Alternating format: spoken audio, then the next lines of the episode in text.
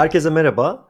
Airbnb'den tuttuğunuz evin bodrumunda canavarlar olmadığından emin olmak için ev sahibiyle mutlaka önceden iletişime geçmenizi hatırlattığımız podcast'imiz Kanlar Düşer'e hoş geldiniz. Ben Efe Erdal. Ben Kerem Biçmen. Bu bölümde Zack Cregger'ın yazıp yönettiği 2022 yapımı Barbarian'ı konuşuyoruz. Şimdi biz normalde güncel filmleri takip etme konusunda bayağı başarısızız. Bir kısmı tercih, bir kısmı da gerçekten yetişememekten kaynaklanıyor. Ama baktık Ekim gibi korkuya adanmış bir ayı bu kadar boş geçirdikten sonra Kasım'da da böyle bir sürü korku filmi çıktığını da duyduktan sonra Kasım ayında biraz daha güncel filmler konuşmaya karar verdik. İyi ki de yapmışız. Ne zaman izledin bu filmi Kerem? Aslında geçen hafta izledim sanırım. Bir de dün akşam yeniden izledim. Toplamda iki kez izlemiş oldum bir haftada. Sen ne zaman izledin? Ben de iki gün önce izledim. Senin izleyip beğendiğini duyduktan sonra da hemen izleyeyim hatta hemen podcast'te alalım falan gibi bir şey söyledim. Sanki içime de doğmuş gibi. Ama bu kadar seveceğimi gerçekten hayal etmemiştim filmi. Nasıl buldun? Ya ben çok sevdim filmi Efe. Aslında öncesinde de konuştuk seninle şeyi bu. Bu yıl gerçekten bence korku için böyle verimli bir sene oluyor. Üst üste bir sürü filmler çıkıyor ve bazıları gerçekten şaşırtıyor beni. Bu da onlardan biri oldu. Çok büyük beklentilerle başlamadım aslında filmi izlemeye. Ama daha böyle zaten ilk sahnesinden beni içine alan bir film oldu. Zaten yağmur, gök gürültüsü ve fırtınayla başlayabiliyorsun ve bunları her seferinde söylemeye gerek yok artık. Hani herhangi bir filmde bir korku filminde bence o filmin tonunu böyle şey en baştan aslında biraz çizmiş oluyor. Her ne kadar bu film ton anlamında çok ciddi değişiklikler ve iniş çıkışlar yapsa da film boyunca. Çok sevdiğim bir film oldu benim kesinlikle. Ben Yağmur sesini ilk duyduğum andan itibaren filmin en en başında aa dedim Kerem bayılacak bu filme. Zaten bir önceki bölümde tam söylemiştin Yağmur'u ne kadar sevdiğini. Hatta o kadar heyecanla söylemiştin ki kendi cümleni falan kesip böyle Yağmur'u konuşmaya başlamıştın. o yüzden dedim ki tam Keremlik bir film başlıyor ama işte benlik de bir filmmiş. Bir de dediğin şu açıdan çok enteresan. Hani bu işte korku filmlerinin bir atağa geçmiş olması meselesi. Hani normalde bir takım furyalılar olur. Slasher'lar bir anda çıkarlar. Ne bileyim Conjuring gibi filmler bir anda çıkarlar. İşte ne bileyim found footage'lar yükselişe geçer. Sürekli öyle filmler izleriz. Şu ara arka arkaya gelen filmlerin hiçbiri de birbirine benzemiyor. Bu da çok güzel bir verimlilik ve çeşitlilik katıyor gerçekten türe. O yüzden ben şaşkınlık ve hayranlıkla izliyorum bu filmleri.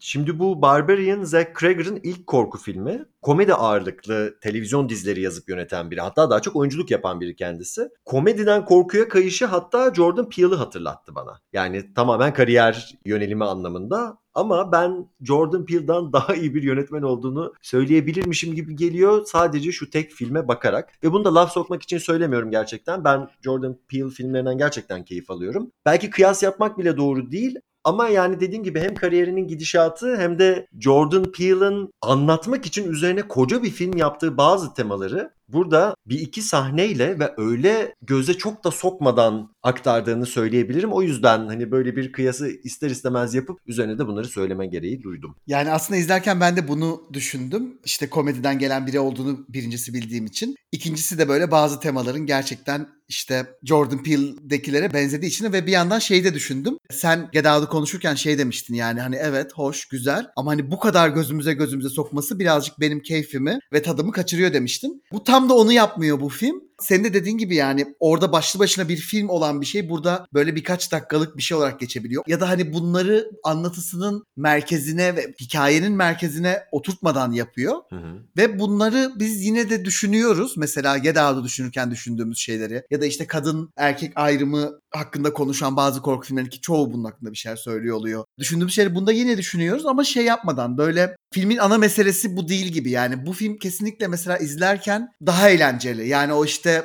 elevated horror dediğimiz şeye göre aslında bir tık daha eğlenceli olduğunu söyleyebilirim. Yani izlerken işte bir korku filmi izliyorum şu anda. Aa çok eğleniyorum. Yani her şeyde başka bir şey aramama falan gerek kalmıyor. Yani daha az yorucu bir deneyim diyebilirim bu film için. Katılıyorum dediklerine kesinlikle. Yani başka bir yönetmen gerçekten vaaz verir gibi işleyebilirdi bütün bu. Özellikle bu toplumsal cinsiyet rollerine dair meselesini. Ki yani son zamanlarda çıkan birçok filmin de zaten hani o biraz daha preachy olduğunu konuşuyoruz, farkındayız. Buradaki mesaj hiçbir zaman mesaj kaygısına dönmediği gibi bence filmi etkileyici yapan hatta filmi işliyor kılan temel öğelerden biri haline geldiğini söyleyebilirim. Yani bu kadınlık ve erkeklik meselesi filmin gerçekten gücünü aldığı şeylerden bir tanesi ama burada hani parmak sokmuyor göze bakın şunu anlayacaksınız demiyor. Yani sadece temaları bakımından hani böyle gözümüze gözümüze sokmuyor değil aynı zamanda şey bakımından da Efe. Hani mesela işte türün troplarını ki bu film birçok alt türden trop ödünç alıyor. İşte bunları kullanıyor. Türün klişelerini çok iyi bildiği filmin aslında apaçık ama buna rağmen hani ben bunları biliyorum, bunların farkındayım ve bakın onları size işaret ederek aslında böyle bir hani işte self aware oluyorum ya da şey öyle bir derdi de yok. Yani bunların hepsini kullanıyor ve böyle değiştirmeye ya da çok fazla böyle yeniden yaratmaya gerek duymuyor ve kullanmasına rağmen hala şaşırtabiliyor ya da hala ilgi çekici olabiliyor. Yani benim ilgimin mesela devam etmesini sağladı film boyunca. Mesela bunu da çok sevdim. Yani sadece bu yaklaşım temalara olan yaklaşımı konusunda değil aynı zamanda türe olan yaklaşım konusunda da böyle bence. Ve şu bakımdan çok sevindirici böyle filmler. Aslında bu filmde mesela yeni hiçbir şey yok Efe. Hani bu filmde aa ne, ne kadar orijinal bir fikir. Yani işte Bodrum'daki canavar, başı belaya giren kadın, işte o kurtulma mücadelesi yani birçok şey var. Ama mesela bunların hiçbiri orijinal bir şey değil. Ama filmi bu kadar iyi bir sinematografiyle, bu kadar dakik bir şekilde ve bu kadar iyi oyunculuklarla, bu kadar iyi şunla bununla yaptığında aslında orijinal bir fikire hiç gerek olmadığını da görüyoruz. Ya bu filmde tam olarak onu görüyoruz. Bunu çok seviyorum yani. Bunu son yıllarda yapan böyle birkaç film oldu. Hepsini de bu yüzden çok seviyorum yani böyle filmlerin. Baya güzel özetledin hakikaten. Benim de filme dair olan düşüncelerim az çok bu yönde. Gerçi ben filmin bazı yerlerde hani sağ gösterip sol yapmalarını, twistlerini falan orijinal bulabilirim ama hani yaptığı şeyin sadece bunu yapmış olmasını aslında orijinal bulabilirim. Yoksa hikayeyi gönderdiği yerler ve tekrar topladığı yerler falan yine yenilikçi şeyler olmamakla beraber bence filmin içerisinde çok güzel işliyor ve seyirci olarak da senin neyin geleceğini bilmemek başka bir deneyim sunuyor. Başka bir beklenti sunuyor. Hatta yani neyi bekleyeceğini bilmemek gibi bir beklentiye giriyorsun bu sefer de. O yüzden bu tarafından gerçekten çok keyif aldım ve uzun zamandan beri beni bu kadar çok şaşırtan ve aynı zamanda eğlendiren bir film izlememiştim. Çok açık ve net bir şekilde söyleyebilirim bunu. Bir de son bir şey söyleyeceğim. Başındayız daha istediğin kadar söyle. Aynen hayır hayır yani bu giriş olarak çok genel bir şey söyleyeceğim. Senin söylediğin şeyden aklıma geldi seyirci deyince sen. Şey de yapmıyor yani bu film mesela en başından itibaren işte özellikle o ilk Tess ve Keith'in olduğu first act diyebileceğimiz kısımda hiç şey yapmıyor Efe. Yani bu film seyirciyle konuşmuyor. Yani seyirciyle mesela artık özellikle korku filmlerinde buna birazcık böyle çok alıştık yani bizimle konuşmasına, doğrudan konuşmalarını. Bunu yapmıyor. Ama bunu yapmamasına rağmen biz yönetmenin aslında bizimle konuştuğunu özellikle türün hayranları anlayabiliyoruz. Yani çünkü orada Tess'in içinde olduğu durumun hangi anlamlara gelebileceği, burada nasıl riskler olduğu, nasıl tehlikeler olduğu. Hani biz zaten film beklentilerimizi öyle bir yönetiyor ki şey e, bizimle aslında dolaylı yoldan konuşmuş oluyor. Tam anlatamadım sanırım ama doğrudan bize hitap etmiyor mesela hiçbir noktada oralarda. Ama ona rağmen çok bizle konuşan bir film gibi. Dediğini anlıyorum aslında. Yani bir yönetmen gerçekten bütün bu troplara ya da convention'lara, klişelere her şeye çok hakimmiş ki ve bizim de hakim olduğumuz varsayımı üzerinden yaptığı her şeyin işte bizim doldurabileceğimizi düşünüyor ama bir boşluk bıraktığında biz hop diye oraya düşebiliyoruz ve üzerine başka bir şeyle dolduruyor falan gibi bir şey mi demeye çalışıyorsun? Evet tam olarak böyle bir şey aslında demek. Valla ben de bu cümleyi bir daha kurabileceğimden emin değilim o yüzden. Bir kere kurulmuş olduğu için mutluyum neyse.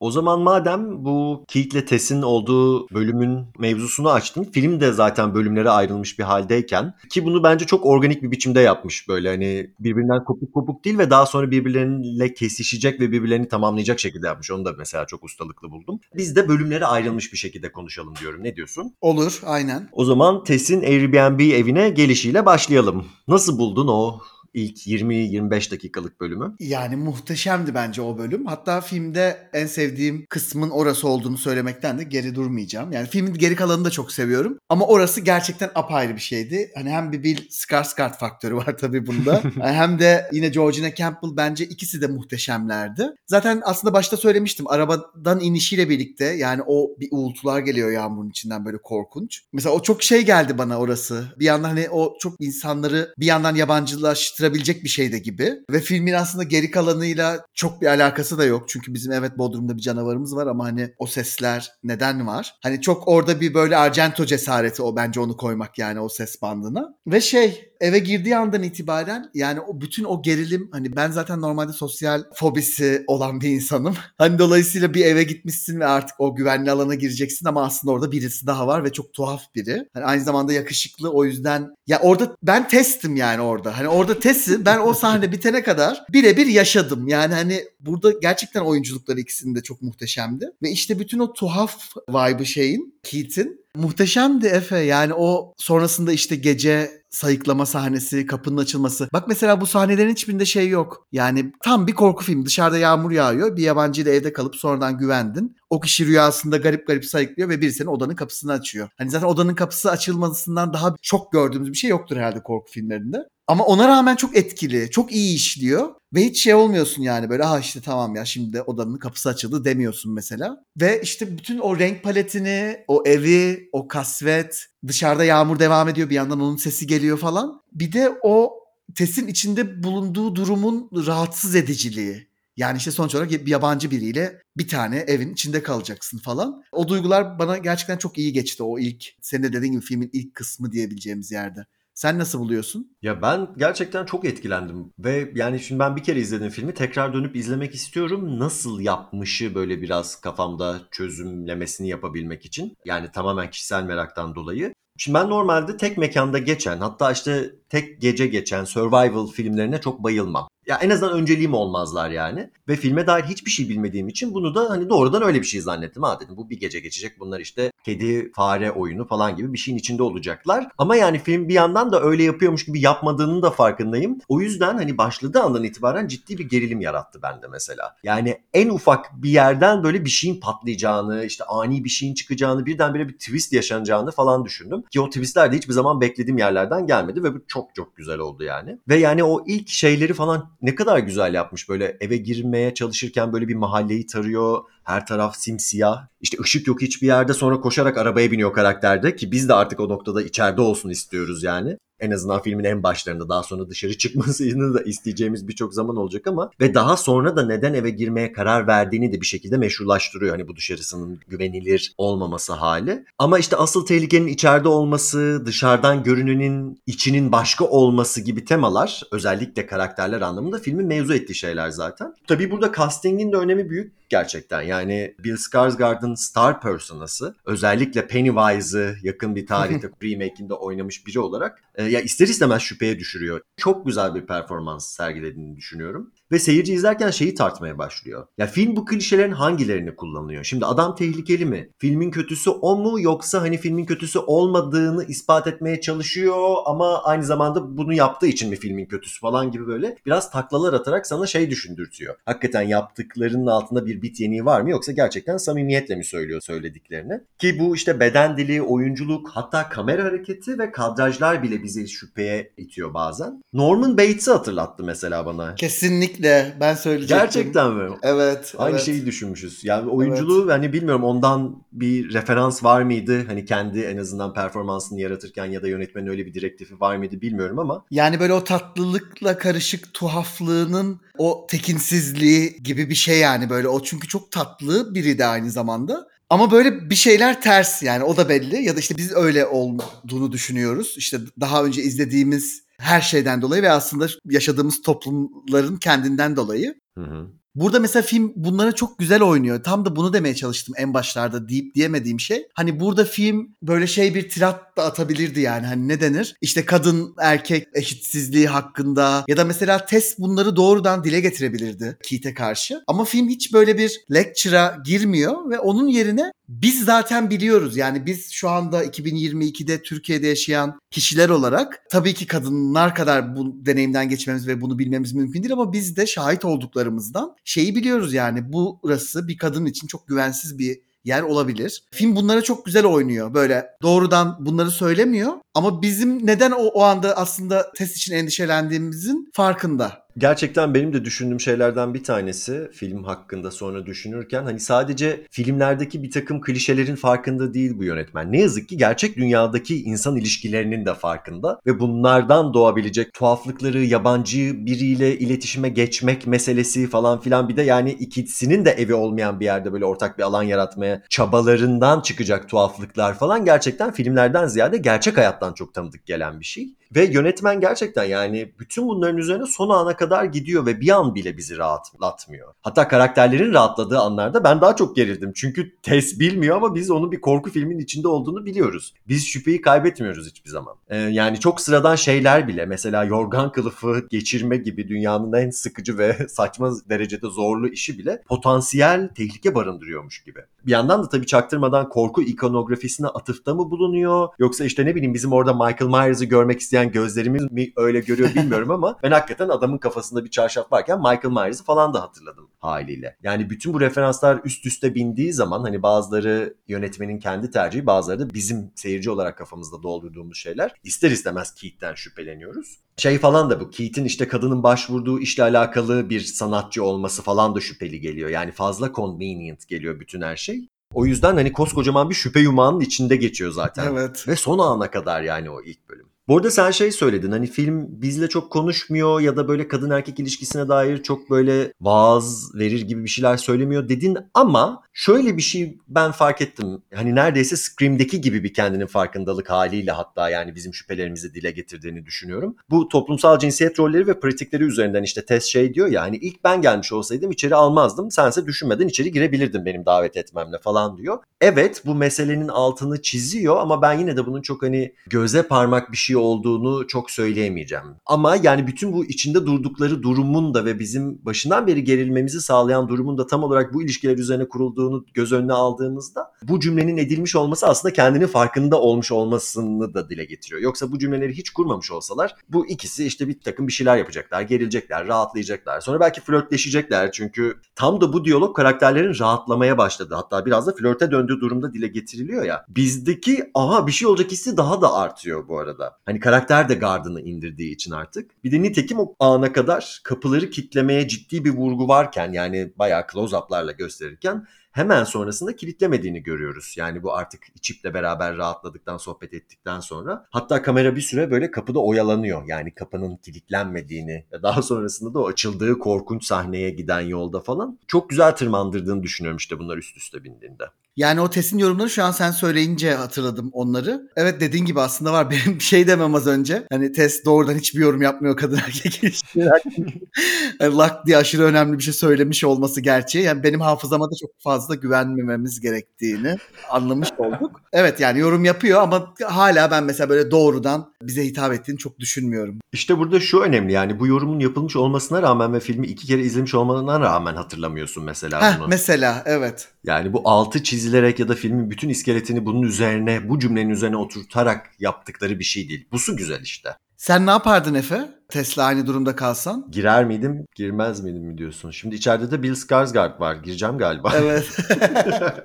bir yandan Tess'in şu yaptığı şeyleri de yapardım işte kimliğinin fotoğrafını çekmek etmek vesaire gibi. Düşünüyorum şarabı da içerdim büyük ihtimalle. Hatta çıkar tekel de arardım yeni bir şarap var mı diye. Ama işte şöyle bir farkımız var. Tess bir kadın ben değilim. Yani benim hakikaten o sokaklarda gezmem yine korkma ihtimalimin yüksek olmasıyla beraber onun yaşadığı deneyimle aynısı olmayacaktır. Orada ben de şey dedim hani sen dedin ya işte Michael Myers'ı gördüm bir anda ya da işte genel şeyi Norman Bates'e benzettik şu bu falan. Hani en basit şeyde mesela çay yapıp veriyor. Ben de orada şey dedim acaba bu hereditary çayı mı yoksa normal Hmm. falan diye düşünüyorum. Hani çayda bir şey mi var falan gibi ya da işte Midsommar çayı.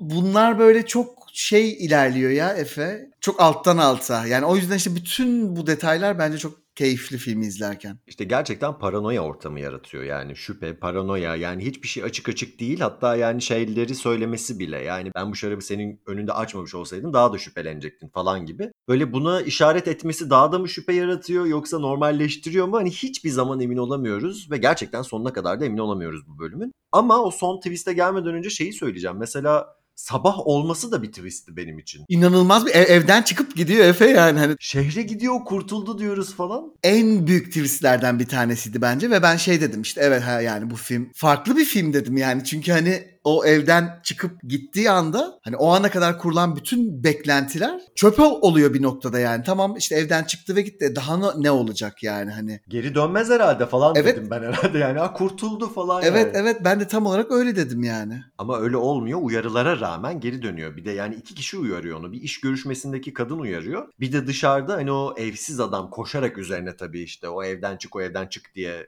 geliyor. Tam da bir işte spektrumun iki ucundaki iki farklı kişi onu uyarıyor ama ikisini de dinlemiyor. E, hatta uyaran adamdan korktuğu için kilitliyor kendini ve bu biraz şeydeki gibi işte Urban Legend'daki gibi. Filmi başında bağırıyordu ya işte. Evet tam olarak o. Aynen ve sen de hissetmişsindir yani bu adam bir şeye uyarıyor diye değil mi? Evet evet kesinlikle. Orada hiç şüphem yoktu yani onun hani zarar verecek biri olmadığından. İşte bu biraz gerçekten yeteri kadar korku filmi izlemiş olmakla alakalı. Bu bu tip tropları hatta neredeyse klişeye düşmüş olan bu tip küçük anları yakalayabiliyoruz. Kesinlikle öyle. Bir de zaten filmin başlangıcında metrekareye düşen yağmur miktarı da Urban Legend'la aynı. Hani o bakımdan da ikisi çok benzeşiyorlar. Orada zaten daha filmin en başında bir Urban Legend oldum ben mesela daha o sahne gelmeden. Gerçekten de olabilir. Hiç öyle düşünmemiştim. Bir, bu sahne doğrudan ama Urban Legend'ı hatırlattı. İşte bu korku filmlerini Evet. birbirlerine ha bizim kurduğumuz bağlarla ha kendi organik bağlarıyla böyle bir örümcek ağ gibi bağlı olmaları benim çok hoşuma gidiyor. Evet. E bir de aslında bir şey yapıyor Tez. Tabii burada belgesel için bir araştırmacılardan biri olacak işte belgeselin yapımcısına yardımcı olan. Ama mesela Helen'da Candyman'de o da akademik bir araştırma için bir mahalleye gidiyordu. Mahalleye o yüzden gelmiyor Tez ama yine yapılan akademik buradaki yapılacak olan belgesel de cazla alakalı. Hani dolayısıyla gene aslında bir noktada siyahlarla alakalı bir araştırma. Ay bilmiyorum sanırım hani bu bölüme kadar konuştuğumuz her bölümün ismini bir kez geçireceğiz. Hani her filmin ismini gibime geliyor. Gerçekten öyle. Bir de Candyman'den bahsedeceksek bu kentsel dönüşüm meselesi her şeyden önce. Evet, evet. Çok daha şey hatta bana It Follows'u da çok hatırlattı bu Detroit'in o hali. Birebir zaten benzer yerlerde çekmişlerdi ya. Kesinlikle It Follows. O yüzden hani bütün bu korku referanslarını bize hatırlatmasına rağmen bu kadar özgün bir film ortaya çıkmış olması vallahi elini sıkacağım gidip yönetmenin. Ve olay buradan itibaren bir de bambaşka bir yere gitmeye başlıyor. İşte aşağı iniyor video kameralı odayı buluyor. İçeride kilitli kalıyor sonra Keith geliyor kayboluyor o aşağıya iniyor. Onun da peşinden daha da derine indiğinde işte bu bir tuzak gitme falan diyoruz. Ve bu noktada da karakterin sağ duyusunu da sorgulamaya başlıyoruz. Yani mesela böyle bir mekana artık kuyunun da kuyusu gibi dibinin gözükmediği bir yere hani insan arkadaşı için gider, sevdiği, tanıdığı biri için gider. Dün gece tanıştığı ne kadar yakışıklı olursa olsun biri için gitmez. Vallahi ben izlerken şey dedim. Cinsel gerilim nelere kadirmiş dedim. Yapması gereken şey bence arabaya gidip polise ihbar etmek ya da polisi ikna etmek. Gerçi bir önceki sahnede polisi aradığında gelmediklerini falan görüyor bu dışarıdaki adamın üzerine koştuğunu görünce. Hani muhtemelen evin olduğu mahallenin reputasyondan dolayı bu arada. Yani hani filmde aslında böyle alttan alta giden bir politik şey de var. Kentsel dönüşüm, işte Detroit'in o haliye ve işte suç oranlarının artmış olmasıyla falan ilgili. Bütün işte bunlar olurken işte aşağıda tabii çok daha korkunç bir şey olduğu için ve yine en son ana kadar Keith'ten şüphelendiğimiz için o son twist şok ediyor. Bir de zaten o Keith'in böyle yerde sürünerek geldiği bir hal var. Aa diyor ya bir şey çıkacak yani buradan. Of.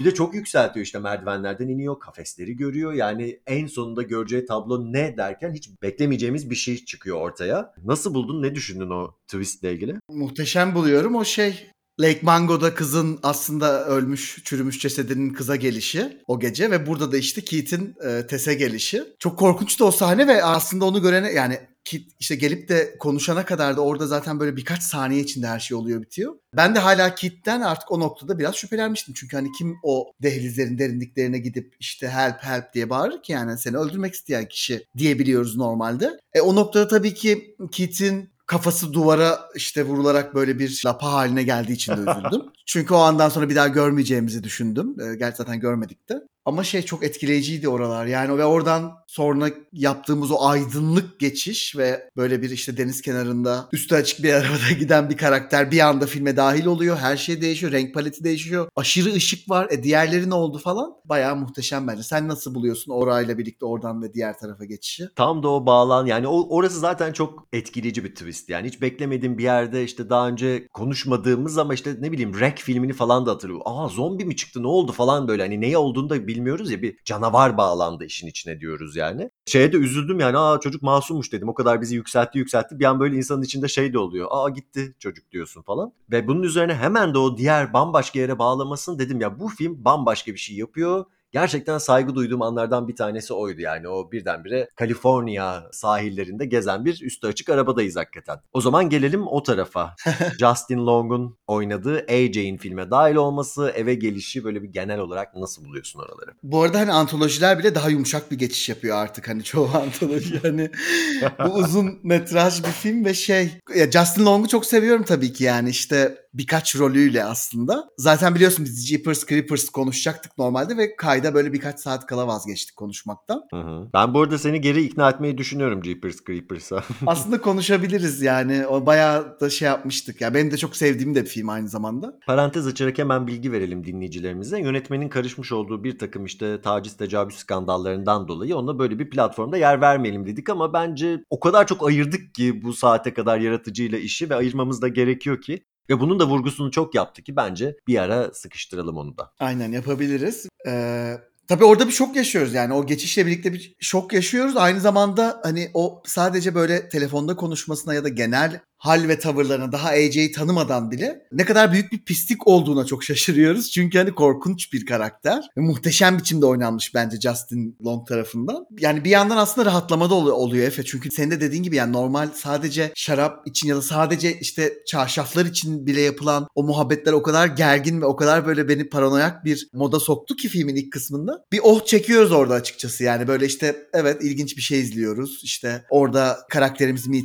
falan. Güzel yani o kısımları güzel ta ki e, zaten bir noktada anlıyoruz artık işte bu yasal mücadelesi için paraya ihtiyacı olacak onun için de işte bu birkaç gayrimenkulün satması gerekiyor falan filan. Oradan böyle çok organik bir biçimde aslında hikayeye dahil oluyor. Sen nasıl buluyorsun? Ben de bayağı beğendim böyle bir yere bağlanmasını. Bir de merak uyandırıyor. Yani nere nasıl bağlayacak diye de düşünüyorsun. Yani bambaşka bir hikayenin içinde buluyoruz. Tabii burada şöyle bir şey var. Hani nasıl Bill Skarsgård'ın ne bileyim Pennywise'a dayanan star personasını ters çevirerek ya da ona biraz dayanarak paranoya yaratıp daha sonrasında onun masum olduğunu ortaya koyuyorsa burada da Justin Long'un görece daha işte masum tatlı çocuk imajını tersine çevirmiş durumda. Hatta yani başta o imaja çok uygun davranıyor. İşte arabada şapşal şapşal şarkı söylüyor falan. Görünce de sevindim bu arada oyuncuyu çünkü hakikaten hiçbir şey bilmeden yani kim oynuyor, kim yönetmiş falan bilmeden izlediğim için aa bu da varmış filmde falan oldum. Ama hemen üzerine tam da bu dış görünüşüne aldanma meselesinin altını çizercesine telefon geliyor. Tecavüz iddiası yani o anlarda iddia olarak ortaya atılıyor tabii. Şimdi tabii buralarda tehlikeli sular. Özellikle günümüzde bu Johnny Depp'in işte Amber Heard'ün davasında neyin ne olduğu iyice muğlaklaştığı ya da işte karalanma davaları gibi şeyleri de gündemimize soktuğu için güncel de bir konu bütün bunlar. O yüzden yerinde de buldum yani. Belki o davadan önce planlanmış ve belli ki de zaten öyle olmuş bir film ama biraz da hani o meseleye de vurgu yapıyormuş gibi geldi. Çünkü tabii ki de Me Too davaları yıllardır süren şeyler ama bir tanesinin ki Me Too ile çok da alakası olmayan bir haliyle işte birinin ortaya bir şey atması ve daha sonrasında bütün dünyanın bir davayı duruşmayı izlemesi durumu hepimiz için çok tuhaf bir meseleydi kabul ederiz ki. Ama neyse ki bu karakter son derece itici ve suçunu da bir yerde itiraf ettiği için içimiz rahatlıyor. Hani şüpheye de yer bırakmıyor. Başına ne gelirse müstahak diyoruz. Yani burada bence bizi rahatlatıyor film. Hatta önceki bölüm işte koltuğun ucunda gerim gerim gerildiğimiz bu tünele iniş sahnesi falan bu karakterle beraber o kadar komik oluyor ki ben böyle bir dönüşümün yaşanmasına da çok şaşırdım filmde. İşte tam da bu zaten Tess'in bahsettiği işte erkekler nasıl davranır, kadınlar nasıl davranır meselesini de hatırlatıyor. Yani bir eve rahat rahat girmek ya da bir eve korkarak girmek. Bu adam bir de territorial davranıyor. Yani evime daha fazla daha nasıl alan katabilirim işte neresi bana ait falan gibi böyle eğlene eğlene. Daha derine indikçe böyle mutlu ola ola başına geleceklerden habersiz ve tam da bu başına gelecek şeyleri de hak ettiğini düşündüğümüz bir yerde tutuyor filmde onu. Yani red flagleri görmüyor bile. O kameraydı, yataklar ay neymiş bu falan filan bile demiyor yani. Yani kanlı yatak ve duvardaki kan izini ve karşısına konumlanmış kamerayı görüp hani bir yandan hala evin ölçüsünü almaya çalışıyor. Ve AJ aslında sadece bu Me Too hikayesinden dolayı değil, yaptığı her şey de korkunç bir şey. Yani barda arkadaşıyla konuşuyor, işte hikaye anlatırken aslında zaten o istedi, çıldırdı benimle yatmak için falan gibi şeyler söylüyor mesela. Hani bir cinsel saldırıyla suçlandıktan sonra bununla hava atıyor yani bir şekilde. Hani dediğim gibi tam da sen az önce söyledin mesela AJ dahil olduktan sonra bir yandan hani hem iğrenç hem de komik biri bir yandan. Çok böyle kabul edilemez şeyler yapıyor üst üste. Mesela aynı ev hani aynı karanlık koridorlar, aynı merdivenler falan. Ama mesela AJ oranın ölçüsünü alırken bana da çok komik geldi o sahneler. Orada artık AJ için mesela endişelenmiyoruz. Çünkü bir kere iğrenç biri. İkincisi de ölmeyi hak ediyor. Hani dolayısıyla umarım o derinliklerden o şey yine gelir ve onu da alır götürür diyoruz. Ki zaten o sonradan yani AJ ile test karşılaşmasından sonra filmin artık üçüncü kısmı diyebileceğimiz kısımda da şey. Yani AJ o kadar üst üste o kadar kötü şeyler yapıyor ki akıl almayacak. Çünkü hani biz bunu biliyoruz ki bir korku filminin hani sonlarında en azından iki karakter kaldıysa bunlar normalde düşman olsalar bile dayanışırlar. Bunda o yok yani. Bu gerçek bir şeytan bu AJ. Zaten konuşuruz onu birazdan orada yaptığı şeyleri ama korkunç karakter ama bir yandan da gerçekten eğlenceli bir karakter. Çünkü rezil yani. Onu izlemek, o rezilliği izlemek tabii ki eğlenceli geliyor yani. Hayır bir de mesele şey de değil. Hani gerçekten çok kötü bir karakter olur. Yine aynı tedirginlikle mesela aşağı iner. Biz yine o ölsün isteriz. Burayı komik yapan şey adamın hiçbir şeyin farkında olmaması. Yani Evet. hani 180 derece başka bir yerden olaya yaklaşıyor olmasıyla da alakalı. Ben gerçekten bu S'i çok yerinde buldum bir kere yani hani gerim gerim gerildikten sonra bir tık daha böyle hem rahatlattı bizi film. Bir de yani o şeyi de çok güzel kurmuşlar. Şimdi o anne karakteriyle benim işte archaic mother, kadim anne diyeceğim karakterle karşılaştıktan sonra şimdi film AJ'yi kötü gösteriyor ve biz ölmesinde bir sakınca görmüyoruz ama o süreci biz de onunla beraber yaşadığımız için ki bir noktada gerçekten hani first person shooter oyunlardaki gibi böyle bir POV planı var. Hani elinde bıçak tutuyor falan. Kollarını görüyoruz. Yani onun gözünden görüyoruz ki her hareketiyle bizi kendinden uzaklaştıran bir karakterin gözünden görmek de enteresan. Ama bunun üzerine de zaten şöyle bir şey oluyor. Yani film bizi tekrar korkutmaya başarıyor. Hani biz gülmüştük etmiştik ölsün istiyorduk ama mesela o fenerin yanıp söndüğü işte o karanlıkta annenin belirip üzerine doğru böyle her bir ışık yanıp sönmesinde yaklaştığı planlar falan gerçekten çok güzel. Yani bunları izlerken şey dedim ben. Yönetmen korkuyu biliyor dedim ve sadece tür olarak değil yani korku duygusunu yaratmayı biliyor dedim ve hani bu şeyiyle tekrar takdirimi kazandı bu tarafıyla. Yönetmen korkuyu kesinlikle biliyor bence. Bayağı başlarında yani bu şeyin. Baştaki bölümlerde şeyi konuşmuştuk zaten korku komedi ilişkisini. Bugün de sen böyle kısa bir şeyler söyledin ama bu ikisi gerçekten yani artık herhalde bu filmden sonra şeyi söyleyebiliyoruz. Yani komedyenler iyi korku yapabiliyor diyebiliyoruz. Çünkü hani Get Out'u falan da birazcık şey yaptık ama ben benim çok sevdiğim bir film yani o kesinlikle. Bunlar çok yani ikisi de aslında insanların bir kere tepkileri ve işte şeyleri üzerine kurulu iki tür ya. Yani bizim ona verdiğimiz tepki üzerine kurulu. O noktada da işte yaşadığı toplumu, insan ilişkilerini, bütün güç dinamiklerini ve birçok şeyi çok iyi analiz etmiş olmak gerekiyor. Komedi içinde, korku içinde. Bence bunu bu avantajı kullanıyorlar. E, bir de yine bu her iki türde şey yani zamanlamanın çok önemli olduğu türler. Yani çünkü komedide de mesela hani bir espri ya da işte bir şakanın böyle tam o patlatılması gereken bir an vardır ve o ve o zirve noktada yaptığında o aslında daha iyi çalışır. E, korku filmlerinde de aynı yani. Mesela bu bence çok iyi hesaplanmış ve çok iyi kurgulanmış bir film. Çünkü mesela o işte AJ'in mesela bütün o komik şeyler biraz daha uzasaydı o noktada yorabilirdi. Ama burada tam da orada senin de dediğin gibi artık korkmaya da başlıyoruz. Dolayısıyla zamanlama dediğimiz şey de bu iki tür içinde bence çok önemli şeyler. Bu filmde bunu bayağı iyi yapıyor. Kesinlikle. Valla bana düşünecek çok şey verdin şu an Kerem. Hakikaten aklım biraz hatta hiç buraları konuşmak yokken biraz oralara kaydı. Bunları ben bir düşüneyim o zaman üzerine. Şeyi de güzel tabii yani hani o komedi elinden hani kaçırsaydı daha sonra korkunç olmakta zorlanabilirdi falan. Yani o kadar güzel tutmuş ki. O yüzden bu filmi tekrar izlediğimde biraz şeye de dikkat edeceğim yani. Neyi nasıl yapmış burada çok önemli. Çünkü biz burada hani olay konuşuyoruz biraz ama işte kamerayı nasıl konumlandırdığı, kurgusunu nasıl yaptığı, nasıl ışık verdiği, müzik kullanmış mı kullanmamış mı aslında filmi film yapan faktörler ya. Onları bu sefer çok dikkat edemedim. Bir de ilk seferde her birine çok dikkat edemiyor insan. O yüzden bir daha izlediğimde biraz bunlara bakıp gerçekten bu dünyanın nasıl inşa edildiğini, bu hissin nasıl bize verildiğini gerçekten görmek için sabırsızlanıyorum. Film bu bölümü işte Tess'in AJ'yi bulup şş demesiyle bitiriyor. Bir önceki de e, yine başka bir kadınla bitiyordu bu anne karakteriyle bitiyordu. O da bağırıyordu mesela. Hani iki farklı tepki, iki farklı kadın ama ikisi de burada tutsaklar mesela. Bu ikisi arasındaki tepkisel farklılık ama sahnelerin ya da bölümlerin bütün bu sekansların bitişinin arasındaki paralellik de ilgimi çekti açıkçası. Buradan sonra da şeye bağlanıyoruz. Her halinden 80'ler olduğu anlaşılan bir flashback'e bağlanıyoruz. Eğer anlamayan olacaksa da işte radyoda Reagan döneminin yeni başladığına dair de böyle bir takım haberler dönüyor. Yani orada da şüpheye yer bırakmamış. Orayı nasıl buluyorsun? Böyle kısa bir es gibi giriyor bitiyor ya. O kısmı da bayağı iyi buluyorum. Çünkü bir yandan o yani evet bizim şu anda hali hazırda bir canavarımız var ve onu görüyoruz ne olduğunu anlamasak da cinsiyeti dahil olmak üzere bunu. O bir origin story gibi aslında böyle araya sıkıştırılmış bir şey. Yani bu evde ki kötülüğün işte temeli ve aslında daha yani yıllar önce o evde olan biten şeylere böyle bir ışık tutuyor ve o noktada da hiç şey değil yani. Yine ve hala gözümüze sokmuyor mesela. Hı hı. Çünkü işte o su idaresinden gelen kişi taklidi yaparak eve giriyor bir adam. İşte evde yalnız bir kadın var ve sadece banyoya gidip suyu açıp pencerenin kilidini açıyor. Ve mesela film oradan sonra adamın yaptığı kötülükleri göstermeye gerek bile duymuyor. Çünkü bizim seyirci olarak o pencere açıldığında neler olacağını bildiğimizi biliyor. Ya mesela bunu çok seviyorum. Orada şey yapmıyor yani uzatmıyor hiç orayı. Ve bence böyle güzel bir kısım. Zaten orada gördüğümüz Frank karakterini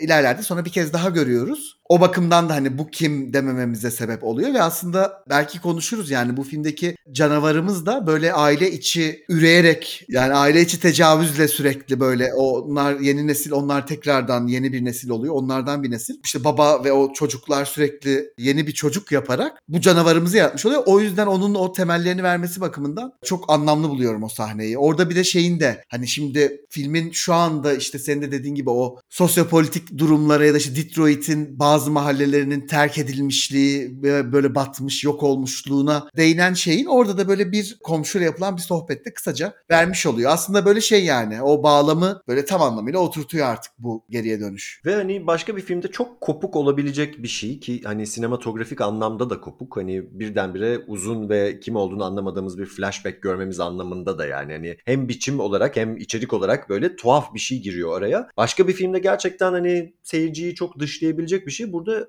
özellikle ilgi çekici hale geldi bende mesela. Ki ben bütün filmdeki işin en korkunç kısmının burası olduğunu düşünüyorum. Ya burada yaşananlar olduğunu düşünüyorum yani. Ee, bir de tabii rengarenk ve gün ışığında böyle her şey pastel tonlar falan böyle. Bu tezat da daha o gerginliği ya da o korku hissini arttırıyor. Tam olarak bir seri katilin kurban seçimi sürecini izliyoruz burada yani. Hiçbir şey göstermeden de rahatsız edici bir şekilde yapmasını izliyoruz bunu. Ve her bir bölümde böyle yeni bir estetik, yeni bir mod yaratmaya başardıkları için de işte görüntü yönetmeni Zack Cooperstein'i ve bu vizyonundan dolayı da filmin yönetmeni Zack Gregory'ı da tebrik etmek gerektiğini düşünüyorum. Kesinlikle. Ya buraları gerçekten çok güzel çekmişler ama filmin içine bir kere çok güzel yedirmişler ve çok güzel bir puzzle yaratmışlar bize. Hani her bir parçası bir şeyi tamamlıyor gibi.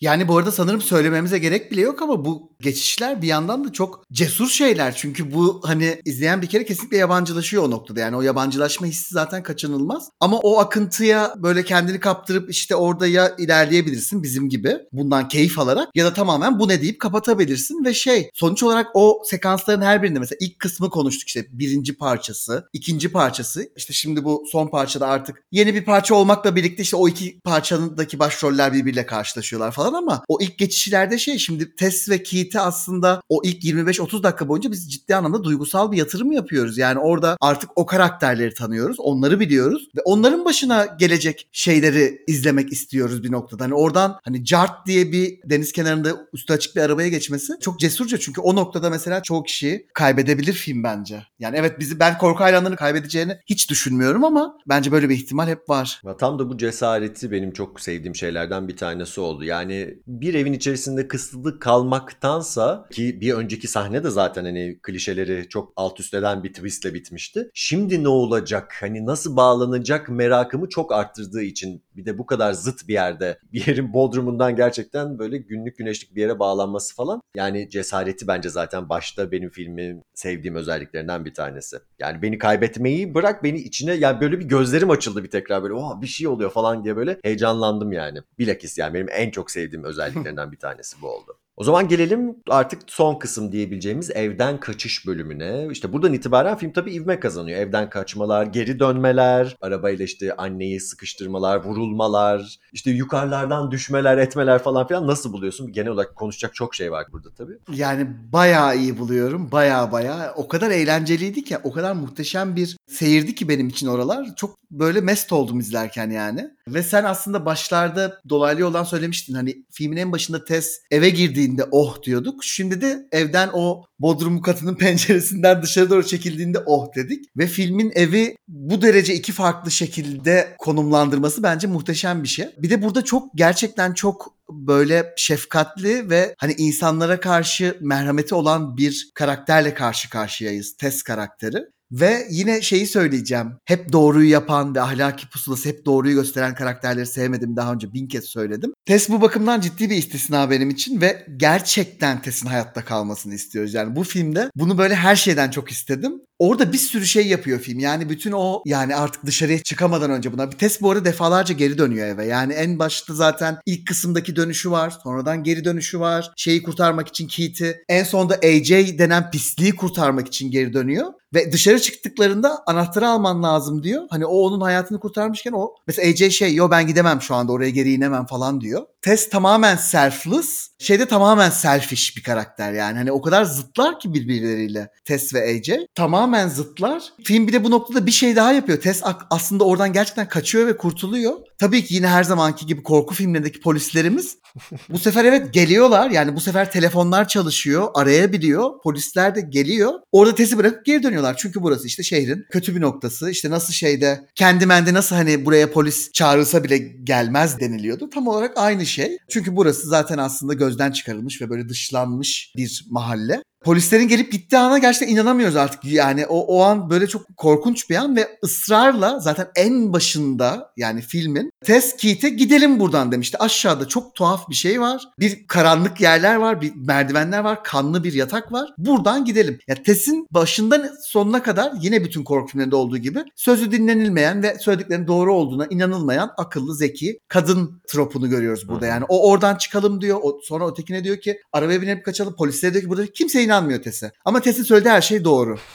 hani o noktada şey yani filmin zeki tek zeki karakteri diyebiliriz Tess için. Bunu da çok seviyorum. Ve o kaçma kovalamacı en son o bir su deposu ya da silo gibi bir şeyin üzerine çıkıyorlar. Yani oradaki o sahneler falan muhteşemdi ya. Muhteşem yani. Hani böyle gerçekten artık şey yay gibiydim oralarda ve bir yandan da çok eğleniyordum. Şimdi sona gelmeden ben biraz geri saracağım. Bu polisler meselesini biz daha bir önceki Halloween 4'te konuşmayalım artık biz yorulduk demiştik ama burada şu açıdan bahsetmemiz lazım. Bunlar senin de dediğin gibi hani sadece beceriksiz falan değiller sıradan korku filmlerinde olduğu gibi. Politik bir duruş olarak ihmalkarlar aslında. Ayrımcılık yapıyorlar. Burada yine tabii dış görünüşün önemi vurgulanıyor. Yani TES'e baktığında öyle bir durumun içerisinden çıktığında o adamların gözünde barbar gibi duruyor filmin adında da evet. gibi. Uyuşturucu bağımlısı falan zannediyorlar. Tabii burada oyuncunun melez olması da önemli. Yani mesela beyaz bir oyuncu seçilmiş olsaydı böyle mi olur? Ya da bu karakter beyaz olsaydı mesela olay böyle mi olurdu? Tam da işte Jordan Peele böyle bir temaya bir film harcamıştı Get Out'u. Hatta yapımcısı olduğu Candyman'de de işte bu tip meselelere parmak basılıyordu. Burada birkaç sahne ile işin özü aktarılıyor aslında. Yani Get Out'ta zaten mesela tam çok benzeyen bir sahne aşırı uzatılıyordu ve filmin en önemli sahnelerinden biriydi kimlik kontrolü trafik polislerinin oto, otoban polisinin yaptığı. Hani o sahne bayağı böyle orada şeydi ağdalıydı yani çok önemli bir kısmıydı filmin. Senin dediğin gibi burada öylesine geçiyor ama biz yine aynı şeyleri düşünüyoruz mesela. Hatta burada daha da sinirleniyoruz çünkü o filmin başıydı ve oradaki hani adamın uğradığı ayrımcılık bizi sinirlendiriyordu. Burada ise kadının yaşadığı şeyi de bilmemize rağmen inandıramıyor olması gerçekten sinir bozuyor. Bir de filmde bu dış görünüş meselesi şu şekilde de ilerliyor. Şimdi kadınlar dışarıdan bakıldığında yani hem bu aşağıdaki anneden bahsediyorum hem de bu Tess'in polisler karşısındaki halinden bahsediyorum. Canavar gibi gözükürken pislik yapan hatta pislik yapmak az bile oldu. Suç işleyen erkekler dışarıdan bakıldığında normal işte hatta yeri geldiğinde sempatik falan gözüküyorlar. Biz filmin başında kibar davranan adamdan bile şüpheleniyorduk. Hatta onu işte elektrikli diş fırçası üzerinden tanımlayıp anlamlandırmaya çalışıyorduk karakterle beraber. Nasıl bir e, belirleyici bu bilmiyorum ama hani hepimiz için bir şey ifade ediyor belli ki. Kadınların canavar olduğunu kabul etmek çok daha kolay oluyor. Bu da görünüşleri üzerinden yapılıyor. Halbuki onlar bu erkeklerin yaptıkları şeylerin kurbanı. Ya tabii bu kurban kelimesini de alelade kullanmamak gerek. Çünkü bir yandan Tess kendisi olmadığı gibi kimsenin de kurban olmasını istemiyor. Yani buna izin vermiyor. Gidip gidip sürekli hak etmeyen insanları kurtarmaya çalışıyor. O yüzden aslında hani kurban değil de survivor tabiri daha uygun olabilir buraya. Evet. Yani Tess'in AJ'yi kurtarmak için yeniden Bodrum'a indiğinde AJ tarafından vurulması şoku. Hani AJ gerçekten o noktadan itibaren ben yani umarım bu filmi hayatta bitirmez dedim AJ için. Ama onu da beklemedin mi gerçekten? Silahı eline aldı ve kadın da aşağı indiğini anladığım andan itibaren ah dedim vurulacak. Neyse ki ölmedi ben ölecek falan zannediyordum bu arada. Evet, sonrasında bayağı da koşturdu o koşun yarısıyla. Gerçekten korku filmlerinde vurulan karakterlerin fiziksel dayanıklıkları üzerine bir araştırma yapmak istiyorum yani. hani çünkü e, geçen de ben şeyi yeniden izledim Efe. Scream 2022'yi. E orada Sydney'de Gail de hem vuruldu hem bıçaklanmıştı. Sonra ambulansın arkasında oturup sohbet ediyorlar gayet tatlı bir şekilde. onlar niye sedyede değildi? Hani evet çünkü onlar Gail ve Sydney ama ya bu kadar mı gerçek? Normal sohbet ettiler böyle oturup. Sema akıl veriyorlardı falan. Aynen aynen. Bunu sanki o bölümde de söylemişti hatırlıyorum bunu konuştuğumuzu. Ha, söylemiş miydim? Yani bu... Adrenalinle alakalı bir şey olduğunu açıklamaya çalışacağım ama böyle bir şey yok gerçekten ya. O anda evet o anda evet ya o 3 dakikanın içinde evet adrenalin ama sonrası. Ama yani bütün o karakterler böyle her bir bölümde biraz bıçaklanıp biraz vuruldukları için artık onların bedenleri de alışmıştır herhalde. bu durumu bilmiyorum. Aynen. Ama burada evet test konusunda da e, bayağı dirayetli çıktığını söyleyebiliriz kadın. Evet. Bir de hakikaten yani bu adam Tess'in kendinden taviz verip hayatını riske atarak kurtardığı adam onu hani hem vurmakta hem de su deposundan aşağıya atmakta sakınca görmüyor. Hadi vurmak Evet. kaza kurşunu falan diyebileceğimiz bir şey. Film hakikaten ara ara AJ'yi aklamaya çalışır gibi yapıyor. Hani şey gibi öz eleştiri veriyor ya kötü biri değilim, kötü bir şey yapmış biriyim diyor. Ki hani kötü insan nedir zaten bunları da tartışabiliriz. Kimse bence özünde kötü değildir ama insanı zaten kötü yapan şey yaptığı hareketlerin kötü olmasıdır. Yani başkasına zarar verme pahasına bencilce hareketler yapan insanlar mesela buradaki AJ gibi. Hele ki işte hayatını başkasına öldürme pahasına kendini kurtarmaya çalışması falan filan. İşte oraya da artık aklanacak bir tarafı olmadığını fark ediyoruz karakterin. Hani bu tip insanların da iyilik tartısında nerede duracağı belli oluyor az çok. Aklanacak hiçbir şey yok AJ'in. Zaten AJ onu o deponun üzerinden ittikten sonra ölmediği için gelip açıklama yapıyor bir de ve bir şeyler uyduruyor. Yani Elimden kaydın falan diyor. Evet, Sen evet. düştün diyor. AJ'in problemi hani hesap verebilirliği sıfır olan bir karakter. Yani yalnızca bir şey ortaya çıkacağı için mesela açıklamasını yapabiliyor. Aynen. Ve ona da böyle başka başka kendi içinde böyle mantıksal temellendirmeler buluyor. Diğer o cinsel saldırı olayında da çünkü aynısını yapıyor. Ve bu noktada aslında AJ ile Frank karakteri birbirini bir noktada aynalıyor gibi. Yani evet Frank kadar tartışılır yaptığı hani gösterdiği şiddetin, kadınlara gösterdiği şiddetin derecesi. Hı hı. Ama sonuç olarak iki tane elimizde kadınlara cinsel saldırıda bulunan erkek var yani. Bir tanesi gözümüzün önünde birini sürekli öldürmeye çalışıyor. Bir kere yanlışlıkla bir kere bilerek. O karakterler bence birbirlerini çok iyi aynalıyorlar. Kesinlikle öyle. Hatta yani Frank'in yaptığı bütün bu işte korkunç olayların tek tanığı olan kişi bu kasetlerde izlediği için AJ. Film bize göstermiyor mesela o kasetlerde ne olduğunu. Hatta bir nevi bizi koruduğunu bile söyleyebilirim. Ki kasetlerin üzerindeki etiketlere baktığında bile insan rahatsız olacak birçok şey bulabiliyor aslında. Nasıl kategorize ettiği kurbanlarının üzerinden. Ya bunları görmüş olan biri dönüp Frank'e şey diyebiliyor. Sen ne biçim bir canavarsın, neler yaptın diyor. Kendi yaptığı şeye dair hiçbir ne denir öz eleştiri ya da böyle bir içgörü sahibi olmadan yani dönüp böyle bir dışarıdan bakamamak. Daha sonrasında işte kendisini kurtaran kadına da ısrarla kötü davranmaya ve kötü davranmak hakikaten işte öldürmeye teşebbüse falan kadar gidiyor. Neyse ki anne anne acımayarak tam da Jeepers Creepers'taki ölümünü hatırlatan bir şekilde gözlerini oyup kafasını karpuz gibi yarıyor. Oh hepimiz bir oh çekmişizdir bence. Kesinlikle. Jeepers Creepers göndermesi de bence çok tatlıydı orada yani hani şey. Justin Long'un karakteri. Hani hangi karakteri oynarsa oynasın kaderi korku filmlerinde bu. Bu gözleri oyulacak. Bir de Aynen. şöyle bir benzerlik de var. O filmdeki karakteri birilerinin böyle bir yerlerde kuyularda falan kaldığını dan şüphelendiği için geri dönmek ve oralara girmek istiyordu. Burada o ibrenin tam tersi tarafında aslında. Evet. Ee, öyle bir şeylik de var. Yani böyle tematik bir takım bağları da var ama ters yerden birbirlerine bağlanıyorlar falan diyebiliriz. Bir de bu filmde şeyi görüyoruz. Filmde aslında erkeklerin birbirlerini bir şekilde kolladıklarını görüyoruz. Özellikle bu işte cinsel saldırı meselesiyle ilgili. Mesela en başta bu arabayla giderken telefonda konuşurken bile bir kadın bir erkekle konuşuyor. Erkek şey diyor tamam dostum sakin ol falan gibi şeyler söylerken hani body kelimesini falan kullanırken hani böyle sırtına hani bir pıt pıt yapmadığı kalıyor. Kadın mesela daha net, daha açık konuşuyor. Hatta işte tecavüz bilgisi ondan çıkıyor. Yani direkt lök diye söyleyiveriyor kadın hani dolandırmadan lafı. Mesela arkadaşına buluştuğunda barda yaptın mı yapmadın mı falan gibi muhabbette de yani hani arkadaşı bir tavır koyuyormuş gibi gözükse de aslında öyle değil yani. Bu adamların birbirlerini çok kolladıkları, örtbas ettikleri, yanlış olduğunu düşünseler bile hiçbir şekilde karşılarına çıkıp bunlarla yüzleştirmediklerine aşina olduğumuz için bu filmde de karşılığını görmek bana hani hem tanıdık geldi. Tanıdık geldiği için şaşırtmadı. İşte lanet okut tuttu tekrar tabii bütün bu e, dinamiklere falan ama bir tek mesela bankacı mı artık muhasebeci mi öyle bir karakter tepki koyuyor. Hani ben artık seninle çalışmayacağım diye ama o da hani işin aslını bildiğinden değil mesela. Daha o durumda şey yok ortada. Hani bir iddia var ortada. Gerçekliği daha kanıtlanmamış. Bencil bir yerden o da yani cancel edilmek istemediği için, o adamla birlikte anılmak istemediği için ilişiğini kesiyor. Hani hiç kimsenin hani bu konularda böyle bir yüzleşme hiçbir şekilde böyle bir müdahaleye falan girmemeleri dediğim gibi tanıdık geliyor.